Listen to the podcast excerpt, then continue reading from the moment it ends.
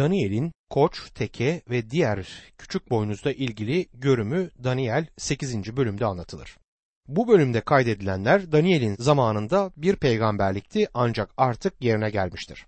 Bu açıkça gerçekleşmiş olduğundan bu bölüm serbest eleştirmenlerin Daniel kitabının yazılış tarihini daha ileriye atmalarına temel oluşturmaktadır.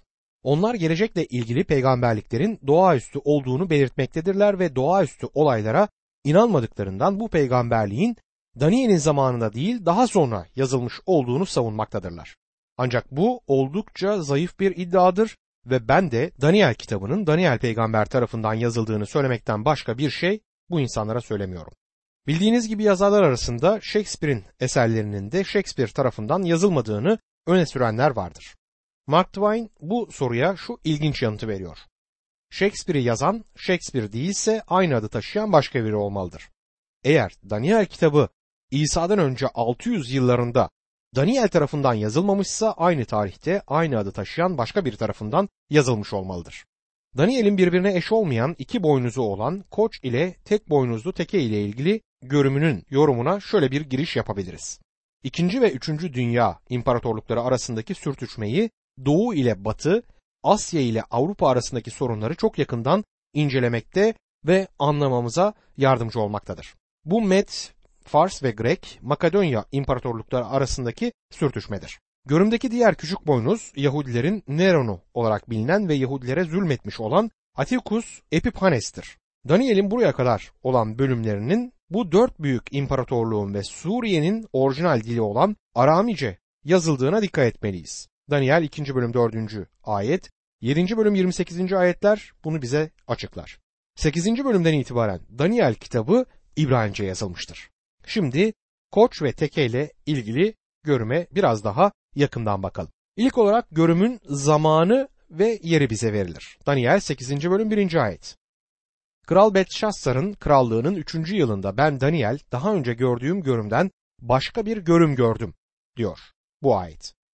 Bu Babil'in son kralı olan Belşatsar'ın krallığının 3. yılıdır. 7. bölümde verilen görüm onun krallığının ilk yılındaydı. Dolayısıyla bu iki görümde Babil İmparatorluğu'nun sonuna doğru verilmiştir. Daniel 8. bölüm 2. ayette görümde kendimi Elam ilindeki Sus kalesinde Ulay kanalının yanında gördüm diyor. Görümde Daniel kendisini Sus kalesinin yanındaki Ulay kanalında görüyor. Buradaki Sus 2. Dünya İmparatorluğu olan Med-Fars İmparatorluğu'nun başkentidir. Sus kalesindeki ifadenin ise doğru şekilde sarayın yakınında olarak kullanılması gerektiğine inanıyorum. Ulay Sus'tan geçen Kerha ırmağıdır. Bu görümün Babil'de değil de Sus'ta geçme nedeni 2. ve 3. Dünya imparatorluklarını ilgilendirmesidir. Bu görümdeki olaylar 200 yıl içinde gerçekleşmiştir. Bu durum yine kutsal kitaptan sapmış eleştirmenlerin Daniel'in daha geç yazıldığında ısrar etmeleri konusunda anlamlıdır. Daniel'in bu olaylardan sonra tarihsel bir kayıt olarak yazıldığını öne sürmektedirler. Amaç onun mucizevi olmadığını ortaya koymaktır ki bu da yorum yöntemleri için oldukça yanlış bir yöntemdir ve utandırıcıdır. İkinci olarak iki boynuzlu koçu görüyoruz. Daniel 8. bölüm 3. ayet. Gözlerimi kaldırıp bakınca kanal kıyısında duran bir koç gördüm.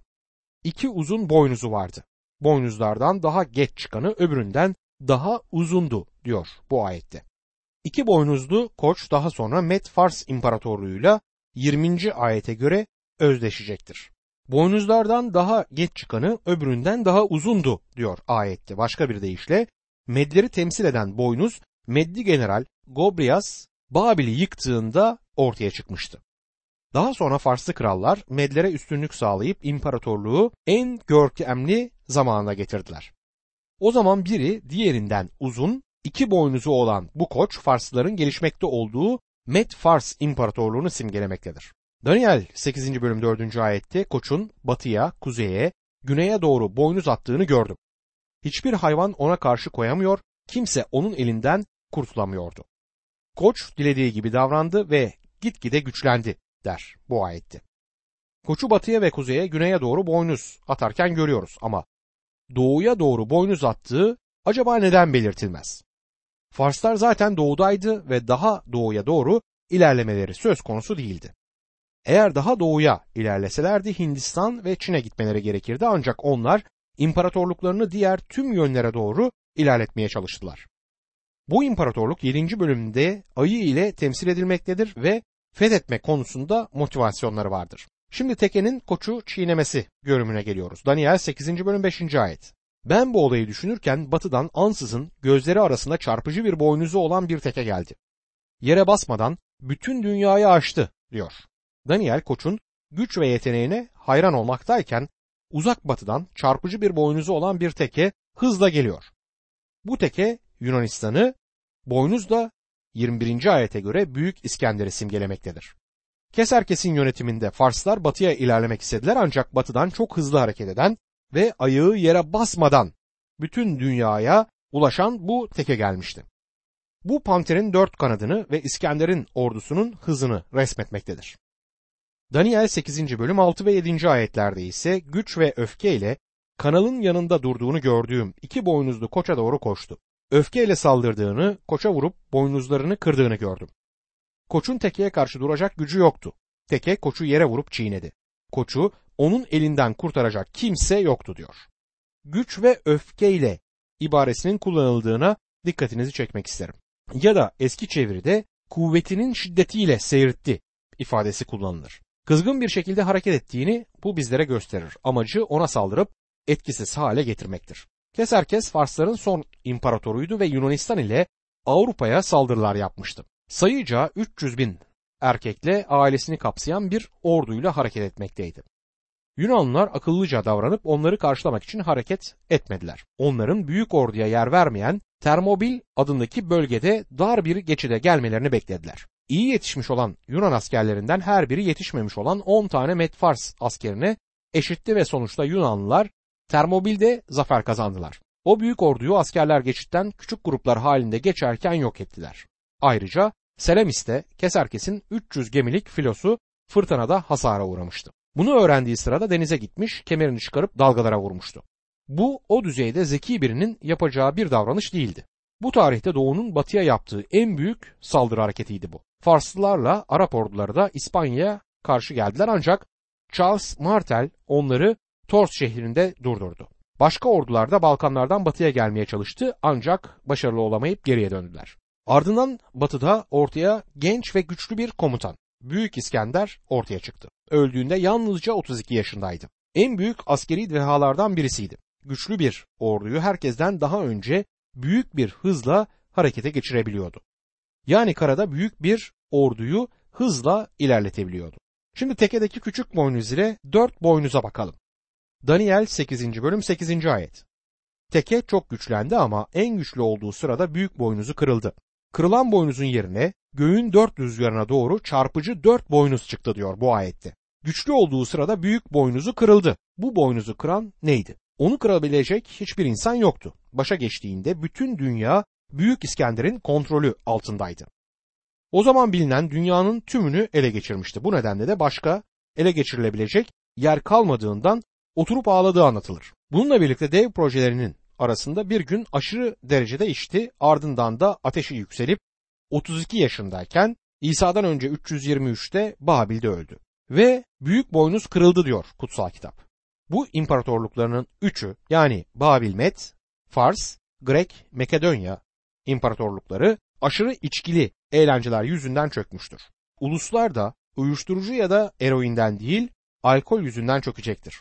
Yanlış anlaşılmasını istemiyorum. Marihuana ya da eroini savunmuyorum ancak alkolün ulusları çökerttiğini de unutmamalıyız. İstatistiklere göre sadece Amerika'da sokaklarda ölen 55 bin kişinin yarısının ölüm nedeni alkolle bağlantılıdır. Savaşta ölmeyi protesto edenleri sıkça görüyoruz ama eline bir viski şişesi alıp şöyle bağırana rastlamıyoruz. Bu günümüzde ülkemiz ve dünya için gerçek bir tehlikedir.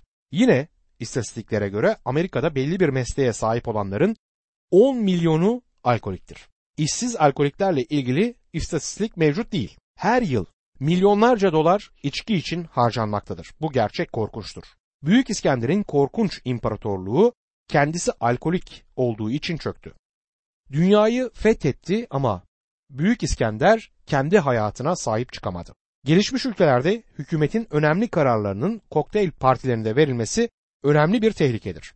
Gelişmiş batı ülkelerinin Tanrı'nın sevgili ülkeleri olduğunu düşünen pek çok insan var. Entelektüel olarak üstün, gelişmeye açık, evrimin son ürünü olduğumuzu düşünüp çökme şansımızın olmadığına inanabiliriz. Bir gün birinin ıslığı çalıp yoldan çıkmak üzere olduğumuzu söylemesi gerekebilir. Eğer peygamberlikleri doğru yorumlarsam şunu söylemekte bir sakınca görmüyorum. Yoldan çıkmak üzereyiz. Göze çarpan dört boynuz ortaya çıktı. İskender öldüğünde imparatorluk dört kişi arasında paylaşılmıştır. Yedinci bölümdeki panterin dört başına bu karşılık gelmektedir. İmparatorluğu paylaşan dört general şunlardı. İskender'in kız kardeşiyle evli olan Kasender Avrupa bölümünü yani Yunanistan ve Makedonya'yı aldı. Lysimachus bugünkü Türkiye'yi aldı. Seleukus Mısır hariç Doğu'yu ve Asya'yı aldı. Ptolemili de Mısır'ı ve Kuzey Afrika'yı aldı. Daniel 8. bölüm 9. ayette bu boynuzların birinden başka bir küçük boynuz çıktı. Güneye, doğuya ve güzel ülkeye doğru yayılarak çok güçlendi der. Burada güzel ülke diye ifade edilen İsrail'dir. Bu bölümdeki küçük boynuz önceki bölümde geçen ile aynı değildir. Orada küçük boynuz dördüncü krallıktan çıkmaktaydı. Burada ise üçüncü krallıktan çıkar. Buradaki küçük boynuz tarihseldir. Yedinci bölümde ise gelecekte açıklanacaktır. Buradaki küçük boynuz Suriye'den Selefkos hanedanlığından gelir. O büyük Antikus'un oğlu dördüncü Antikus ya da Epiphanes'tir. Bazen ona çılgın adam Epimanes de derlerdi. O da akıl hastalığı olan diğer bir kraldı. Antikus İsa'dan önce 175 yılında tahta geçti ve Kudüs'e saldırdı. Yahuda diyarındaki diğer insanlar da ona karşı ayaklanmıştı. Sonuna kadar antisemitizm yani Yahudi düşmanlığı olduğundan Yahudileri yok etmeye çalıştılar. Yarışlim tapınağının kutsal yerine Jüpiter heykelini yerleştirmişti. Bu ilk aşağılayıcı davranışlarıydı. Kutsal eşyalarının üzerine domuzdan yapılmış yemekler dökmüştü. Daniel 8. bölüm 10. ayette göklerin ordusuna erişinceye dek büyüdü. Gökteki ordudan ve yıldızlardan bazılarını yeryüzüne düşürdü. Ayakları altına alıp çiğnediler. Bunu yorumlamak zordur. Sanıyorum Antikus'un Tanrı'ya karşı gelişi ve Yaruşilim ile tapınağı almasına izin verilmesi burada anlatılır. Bu savaş ruhsal alemde meleklerle şeytanları da içine almıştı. Antikus'un elde ettiği iddia edilen bazı başarılar şaşırtıcıdır. Eğer onlar doğruysa şeytani güçlerinde bu işte parmağı olmalıdır. Daniel 8. bölüm 11. ayette kendisini gök ordusunun önderine kadar yükseltti. Tanrı'ya sunulan günlük sunu kaldırıldı. Tapınak terk edildi diyor. Antikus Jüpiter'e tapmaktaydı.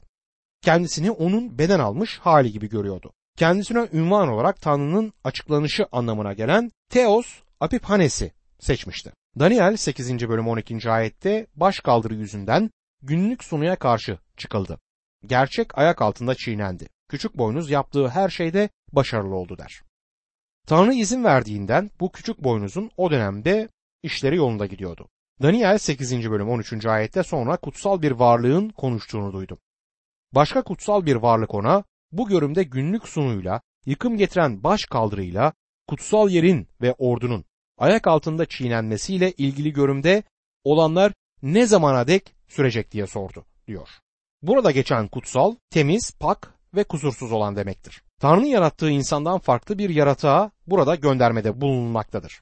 Buna çoğumuz doğaüstü yaratık diyoruz. Bazen meleklerin bize ne dediğini merak ediyorum. Tapınağın böyle aşağılanışına yıkım getiren baş kaldırı ya da yıkıcı günah denmektedir. Daniel 8. bölüm 14. ayete baktığımızda önemli görüş farklılıkları olan ve üzerinde sıkça konuşulan bir ayet olduğunu göreceğiz. Daniel 8. bölüm 14. ayette kutsal varlık bana 2300 akşam sabah olacak sonra kutsal yer yeniden düzene konulacak dedi diyor. İşte burada geçen 2300 gün konusunda önemli görüş farklılıkları bulunur. 7. gün Adventistler grubu bu ayeti Mesih'in ikinci gelişi için kullanmaktadırlar ve onun ikinci kez 1843'te geleceğini belirtmişlerdi. William Miller ve onun izleyicilerinden Ellen White, kutsal yerin onun ikinci gelişiyle temiz hale gelecek olan yeryüzü olduğu kanısındadır. Miller içten de ancak yanlışları olan bir vaizdi. Günleri yıllar olarak ele almak peygamberlik teorilerine iyi bir temel sağlamaz. Tarihte bunu doğrulamamıştır. Bununla birlikte 2300 günü 24 saatlik gün olarak hesaplarsak 6 ya da 7 yıla karşılık gelir ki zalimliklerine İsa'dan önce 170 yılında başlayan Antikus'un zamanına bu yakındır. Son olarak da Yahudi rahip Judas Maccabeus ki çekiş demektir bu, Suriye ordusunu Yaruşilim'den çıkarınca tapınak kirliliğinden temizlenip kutsanmıştır. Bu temizlik anma bayramı adıyla kutlanmaktadır der. Yuhanna 10. bölüm 22. ayette şöyle yazar. O sırada Kudüs'te tapınağın açılışını anma bayramı vardı. Mevsim kıştı. Bu Mesih'in zamanında kutlanan kutsal günlerden birisiydi ve halen de Yahudilerce kutlanmaktadır. Bu bayram eski ve yeni antlaşma dönemleri arasında ortaya çıktığından eski antlaşmada bu bayramdan söz edilmez. Koç ve teke görümünün anlamına bakalım. İlk olarak Cebrail'in Daniel'e açıklama yapması Daniel 8. bölümde 15 ve 16. ayetlerde şöyle yazılmıştır. Ben Daniel gördüğüm görümün ne anlama geldiğini çözmeye çalışırken insana benzer biri karşımda durdu. Bir insan sesinin Ulay kanalından Ey Cebrail görümün ne anlama geldiğini şuna açıkla diye seslendiğini duydum der. Görüm Daniel'i şaşırtmıştı. O da anlamını öğrenmek istiyordu. Melek Cebrail ona göründü. Kutsal kitapta Cebrail'in ilk olarak belirtildiği yer burasıdır. İkinci olarak Koç karşımıza çıkar ve Med Pars İmparatorluğu'yla ilişkilidir. Daniel 8. bölüm 17. ayette Cebrail durduğum yere yaklaşınca korkudan yere yığıldım. Bana ey insanoğlu dedi. Bu görümün sonla ilgili olduğunu anla. İzleyen açıklamalarda Cebrail Antikus Epiphanes'in gelecek olan Mesih karşıtının minyatür bir resmi olduğunu anlattığını görüyoruz. Bu görümün sonla ilgili olduğunu anlıyoruz. Görümün zamanın sonu için değil, sonun vakti için olduğuna dikkat edin. Kutsal kitabın hiçbir yerinde zaman sonu açıklanmaz. Sonun vakti Rabbimiz İsa Mesih'in büyük sıkıntı dediği döneme ilişkin peygamberliğin yerine gelişini belirtir. Göndermede bulunan adam Mesih karşıtı yasa tanımaz adam ve 7. bölümde de küçük boynuz diye anılan adamdır. Bu peygamberlik yakın değil, uzak gelecekle ilgili bir peygamberliktir. Antikus, diğer ulusların zamanında gelecek olan diğer küçük boynuzun gölgesidir. Gelecekle ilgili terimlerin kullanımı bunu açıkça ortaya koymaktadır. Daniel 8. bölüm 18. ayette o benimle konuşurken yüzü koyun yere uzanmış derin bir uykuya dalmışım. Dokunup beni ayağa kaldırdı der. Bu görümün Daniel üzerindeki fiziksel etkisine dikkat etmeliyiz. Daniel 8. bölüm 19. ayette bana daha sonra Tanrı'nın öfkesi sona erdiğinde neler olacağını sana söyleyeceğim dedi. Çünkü görüm sonun belirlenen zamanıyla ilgilidir. Cebrail yeniden Antikus'tan diğer ulusların zamanının sonuna geçiş yapar. Daniel 8. bölüm 20. ayette devam ederek gördüğün iki boynuzlu koç Med ve Pers krallıklarını simgeler diyor. Burada kuşkuya yer kalmayacak kadar açıkça anlatılmaktadır. Koç Med ve Fars krallıklarını temsil etmektedir. Şimdi Teke ile karşılaşıyoruz ki Grek Makedon İmparatorluğunu anlatmaktadır. Daniel 8. bölüm 21. ayet. Teke Grek kralıdır. Gözleri arasındaki büyük boynuz birinci kraldır diyor. Buradaki Teke Yunan ilinin kralı büyük boynuzda ilk kralları Büyük İskender'dir. Daniel 8. bölüm 22. ayette kırılan boynuzun yerine çıkan dört boynuz, ulusundan çıkacak dört krallığı simgeliyor. Ama ilk kral kadar güçlü olmayacaklar der. Başka deyişle bu kralların hiçbiri Büyük İskender'in gücüne sahip olmayacaklardır. Dördüncü olarak küçük boynuzu görürüz. Antikus Epiphanes'tir bu. Daniel 8. bölüm 23. ayet. Bu dört krallığın sonu yaklaşıp yapılan kötülükler doğruğa varınca sert yüzlü ve aldatmada usta bir kral ortaya çıkacak. Denmektedir ki bu küçük boynuz Suriye'yi alan Selefkosların soyundan gelen Antikus Epiphanes'tir. Bu ayetlerin ve tarihteki gerçeklerin tek yeterli açıklaması bu adamın şeytanla işbirliği halinde olmasıdır. O bu anlamda gelecek olan Mesih karşıtının da bir resmi gibidir. Rab İsa da şu sözleri ona gönderme yaparak söyler. Matta 24. bölüm 24. ayet. Çünkü sahte mesihler, sahte peygamberler türüyecek. Bunlar büyük belirtiler ve harikalar yapacaklar. Öyle ki ellerinden gelse seçilmiş olanları bile saptıracaklar. Daniel 8. bölüm 24. ayette devam ederek kendisinden gelmeyen büyük bir güce kavuşacak. Şaşırtıcı yıkımlar yapacak. El attığı her işte başarılı olacak. Güçlüleri ve kutsal halkı yok edecekler. Kutsal halk İsrail'i kastetmektedir.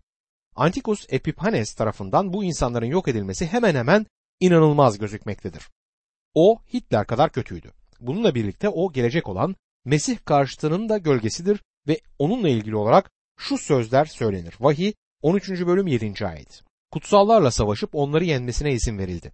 Canavar her oymak, her halk, her dil, her ulus üzerinde yetkili kılındı. Daniel 8. bölüm 25. ayette yapacağı işleri aldatarak başaracak. Kendisini yükseltecek. Güvenlikte olan birçoklarını yok edecek. Önderler önderine karşı duracak ama kendisi insan eli değmeden yok edilecekler bu kişiyle ilgili. Antikos gelecek olan bu kralın soluk bir gölgesiydi. Bu kral Antikos'un yaptıklarından çok daha büyük çapta dört şey yapacaktır. Birincisi yapacağı işleri aldatarak başaracaktır ya da eski çeviriyle elindeki hileyi semereli kullanacaktır. Vahiy 13. bölüm 17. ayette canavarın işaretini taşımayanların alışveriş yapamayacağını okuyoruz. Öc alma isteğiyle ekonomiyi kontrol altına alacaktır. İkinci olarak kendisi yükselecek yani yüreğinde büyüyecektir. Vahiy 13. bölüm 5. ayette ona sövgü sözleri söyleyen bir ağız verildiği belirtilir. Ona 42 ay süreyle devam etme gücü verilecektir. Alçak gönüllülük Mesih karşıtının bir özelliği olmayacaktır.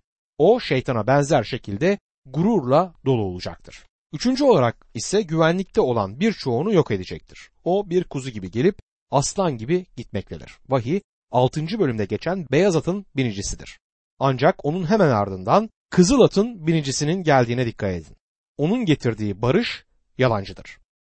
Dördüncü olarak önderler önderine karşı duracak deniyor. Gördüğünüz gibi Mesih'e karşı gelip savaş açacaktı.